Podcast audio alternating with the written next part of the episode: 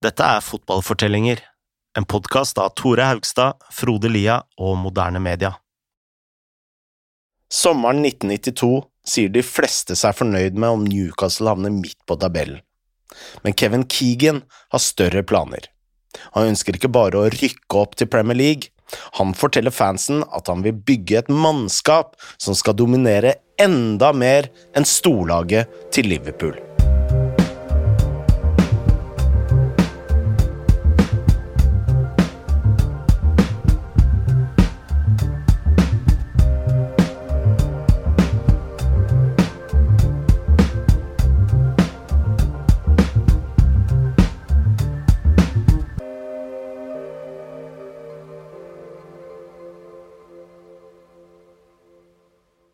Da Keegan skrev om sine planer i kampprogrammet før ligastarten mot Southend, trodde selv direktørene i klubben at han hadde mista vettet. Men Keegan hadde lest bøker om positiv tenkning. Nå mente han at Newcastle sleit fordi de mangla ambisjoner og tro på at de kunne vinne ting. Om folk forventa trøbbel og slit, sa Keegan, så ville de ende opp med å få nettopp det. Dette betydde at Keegan sikta mot direkte opprykk i sin første fulle sesong. For å få det til så henta han midtbanespilleren Rob Lee fra Charlton og venstrebacken John Beresford fra Portsmouth. Og nå som Keegan visste at han kom til å bli der ei stund, så flytta han også familien opp til nordøst i England. Dette var også gode nyheter for Terry McDermott. Da han hadde tatt jobben som assistent, hadde Keegan måttet betale lønninga sjøl ut av egen lomme, men nå som de to hadde kreditt i banken, så havna Terry Mack endelig på den offisielle lønningslista. Om direktører og journalister lurte på om Keegan hadde mista vettet, så virket spillerne å tro på det han sa.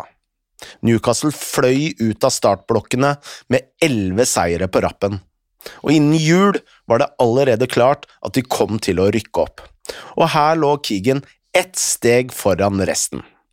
Han ba sir John Hall om å forsterke laget allerede nå, siden klubber ville kreve mer for spillerne så fort Newcastle var oppe. Men snart merka Keegan at direktørenes mentalitet hadde endra seg. Før var det han som hadde mast på dem om penger, nå var det direktørene som kom til Keegan for å spørre om hvem de kunne kjøpe. En av de beste spillerne Keegan kjøpte for Newcastle, dukka opp på St. James' Park i februar den sesongen. Andy Cole var en ung spiss fra Bristol City som Keegan hadde veldig sans for, men han var dyr, og Newcastle punga ut 1,75 millioner pund, som var ny rekord for klubben. Da Keegan først ringte Cole, klarte han å kalle ham for Anthony i stedet for Andy, noe som var rimelig awkward, men Cole han skrev under og introduserte seg ved å skåre tolv mål på tolv kamper den våren. Før ligaens siste runde hadde Newcastle allerede sikra tittelen. De tok imot Leicester hjemme, og fans strømma til stadion for å bli med på festen. Sky Sports skulle sende kampen direkte, noe som var stor stas på den tiden, og TV-stasjonen sendte til og med et kamera til Newcastles garderobe for å filme spillerne men Keegan var redd for at laget skulle miste fokus og kjeppjaga Sky ut døra. Hva enn som bekymra Keegan, var åpenbart bare tull. Newcastle leda 6-0 til pause og vant til slutt 7-1, og feira tittelen med stil. I kampprogrammet hadde Keegan allerede skrevet en melding til Alex Ferguson. Bare pass deg, Alex, sa Keegan, vi er ute etter tittelen din. Før de skulle prøve seg i Premier League, jobba Keegan på spreng med å forsterke laget. Han ville hente Peter Bedsley, angriperen som før hadde spilt for Newcastle før han hadde herja i Liverpool. Men han ville koste mer enn én en million pund, og siden han allerede var 32 år, så sa direktørene i Newcastle at dette var for mye penger å svi av på en så gammel spiller. Likevel satte Keegan opp et møte med Beardsley og da han var på vei dit, fikk han telefon fra Freddy Shepherd, en av de som var nærmest sir John Hall i styret. På den tiden jakta Keegan også spissen Sergej Juran fra Benfica. Han var 26 år, noe som gjorde han lettere å selge inn til styret. Og nå ringte Shepherd til Keegan med en idé om hvordan de kunne snike Beachley inn døren. Shepherd sa at den eneste måten å få tak i Beachley var å kjøpe både han og juraen. Dette ville nemlig utgjøre en snittalder på 29 år mellom de to spissene. Keegan fulgte ikke helt den logikken, men dette var altså tankegangen i klubbens styre. Keegan hadde uansett ikke tid til å tenke på dette akkurat nå. I stedet fortalte han Shepherd i huet hast at jeg er på vei inn i et møte her med Beardsley, og så dro han ut et lite S fra ermet. Keegan påsto at Sunderland var ute etter Bedsley, og at de kom til å snappe han opp neste dag om ikke Keegan fikk dealen i boks med en gang. Sunderland, sa Shepherd på telefonen. Vel, Kevin, da må du bare få den dealen gjort så fort du kan. Klubben som egentlig jakta Birdsley, var Derby County, men for Keegan så var det ja, nærme nok. Bitchley ble en hit i Newcastle. Han gikk rett inn på topp sammen med Andy Cole, som fant tonen med ham umiddelbart. Og selv om de tapte de to første kampene i Premier League, fant de rytmen utover våren, blant annet ved å slå Sheffield Wednesday 4-2. Seinere skåra de 14 mål på fire kamper, og snart hadde Sky Sport gitt dem kallenavnet The Entertainers, en hyllest til Keegans offensive og underholdende fotball. Høydepunktet den våren var den siste av de fire strake seirene, som var 3-0 hjemme mot Liverpool, med hat trick fra Cole på den første halvtimen. Dette er fra Sky Sports. Last league outing prior to that, they beat Wimbledon here 4-0. Peter Beardsley got a hat-trick in that one. He's on the ball now. Cole wants it from Sellers. It's in. It's two. And Liverpool are rocked again. Well, Peter Beardsley ripped them apart, Martin. He dropped off the back four. No one went with them. He turned and look at this. This is Beardsley at his most dangerous. Threads about his sellers. Who's got acres? Now the question is, does he shoot? Which he's entitled to do in my opinion. Or the second choice is, do I just roll it across goal and give Andy Cole his second goal? And he slips it across and it's the slightest of touches from Andy Cole. And the result is inevitable. Siden dette var England på 90-tallet, spilte Newcastle så klart 4-4-2. Ian Møtag fortalte oss mer om hva som gjorde dette laget så bra. the key was this Andy Cole Peter Beardsley partnership.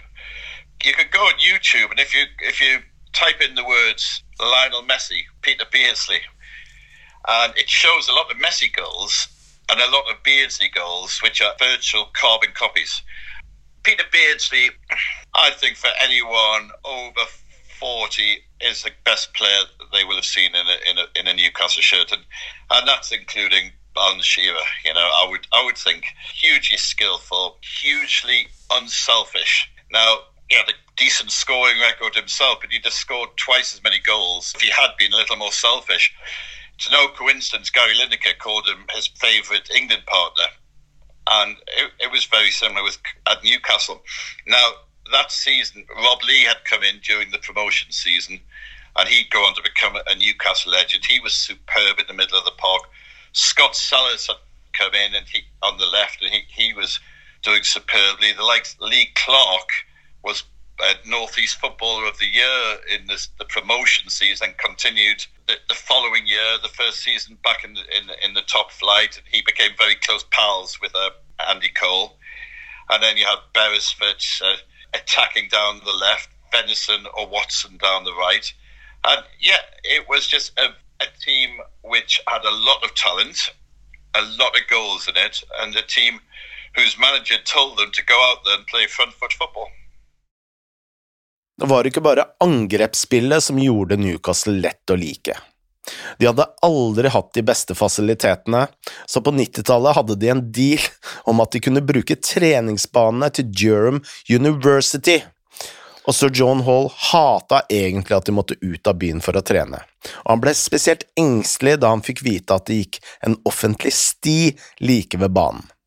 Og dette betydde at hvem som helst kunne dukke opp og se treningene. Men Keegan, han brydde seg ikke. Han syntes bare det var fint med litt publikum når Newcastle trente.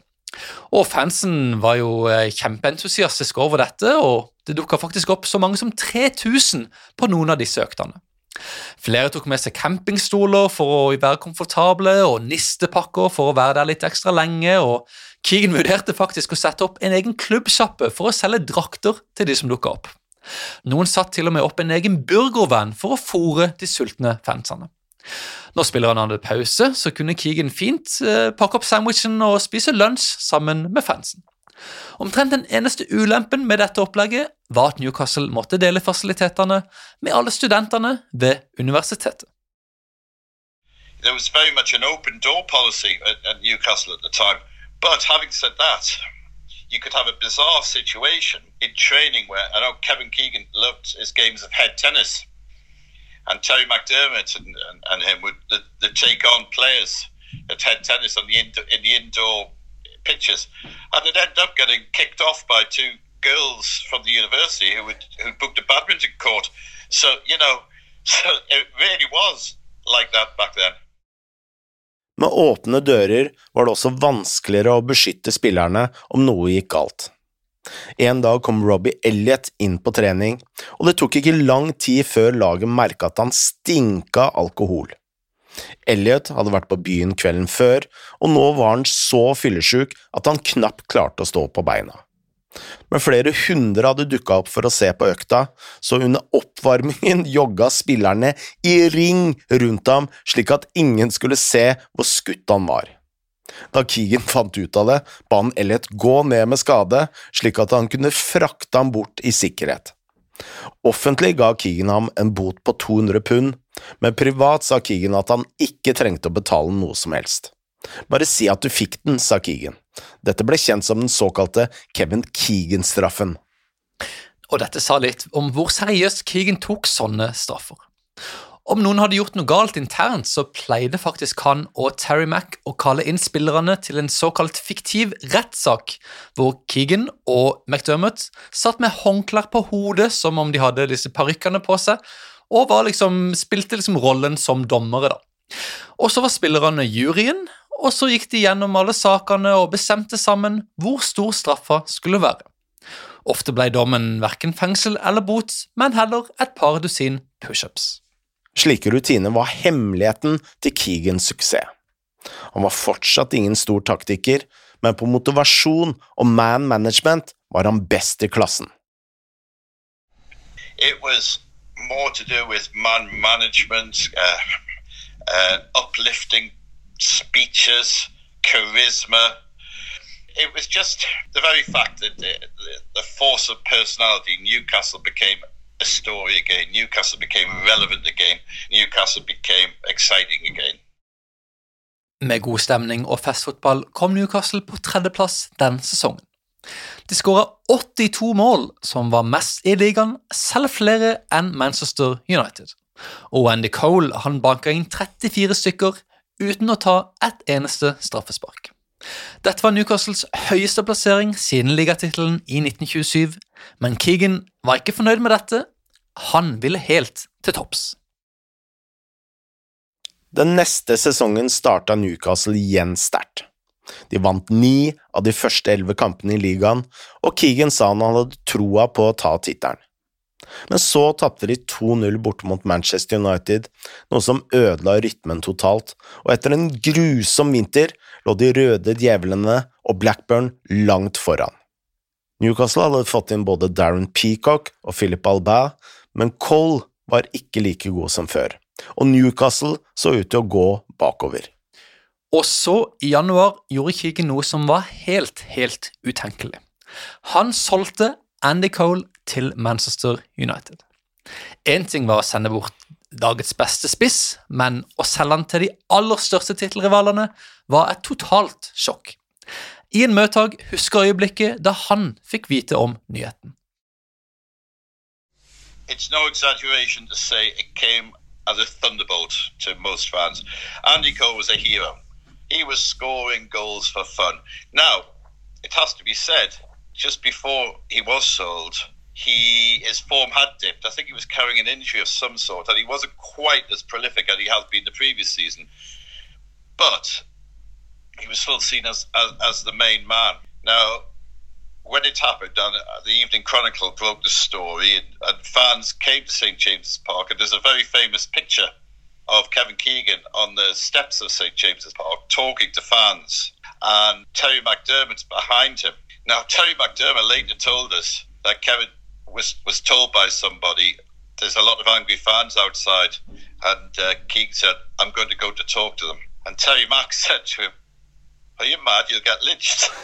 so, but uh, he did go and talk, and he, to them, "Look, trust me. You've got to trust me."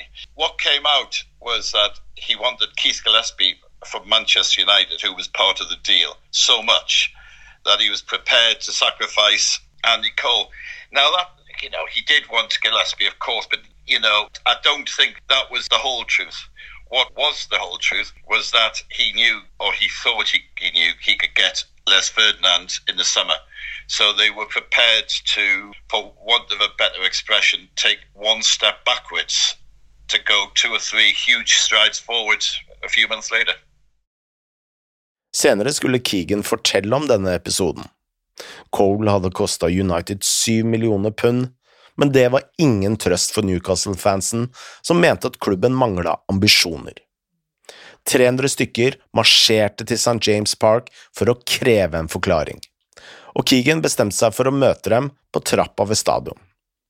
Først måtte han stå der og ta imot skjellsordene, mens fotografer og TV-kamera fulgte med. Fansen kalte ham til og med en Judas, og med tanke på Keegans popularitet på den tiden, så sa dette noe om hvor sinte fansen var. Men Keegan var flink i sånne situasjoner. Han sa at salget hadde vært hans avgjørelse, at pengene ville gå rett til spillerkjøp, og at målet fortsatt var å vinne tittelen. Da ble fansen litt mer rolige, og en av de sa faktisk til resten Hei, Keegan er ikke dum nok til å selge Cole uten å ha en erstatter klar. Men Keegan sa senere at han faktisk ikke hadde en erstatter klar, og bak han kunne han høre Terry Mack hviske litt for seg sjøl, og jo da, så dum er han. Men Keegan skulle få Ferdinand til sommeren. Innen det hadde Newcastle havna på en skuffende sjetteplass, mens Blackburn heva pokalen. Det ingen kunne vite da, var at Keegan gira opp til en av de mest dramatiske tittelkampene i Premier Leagues historie.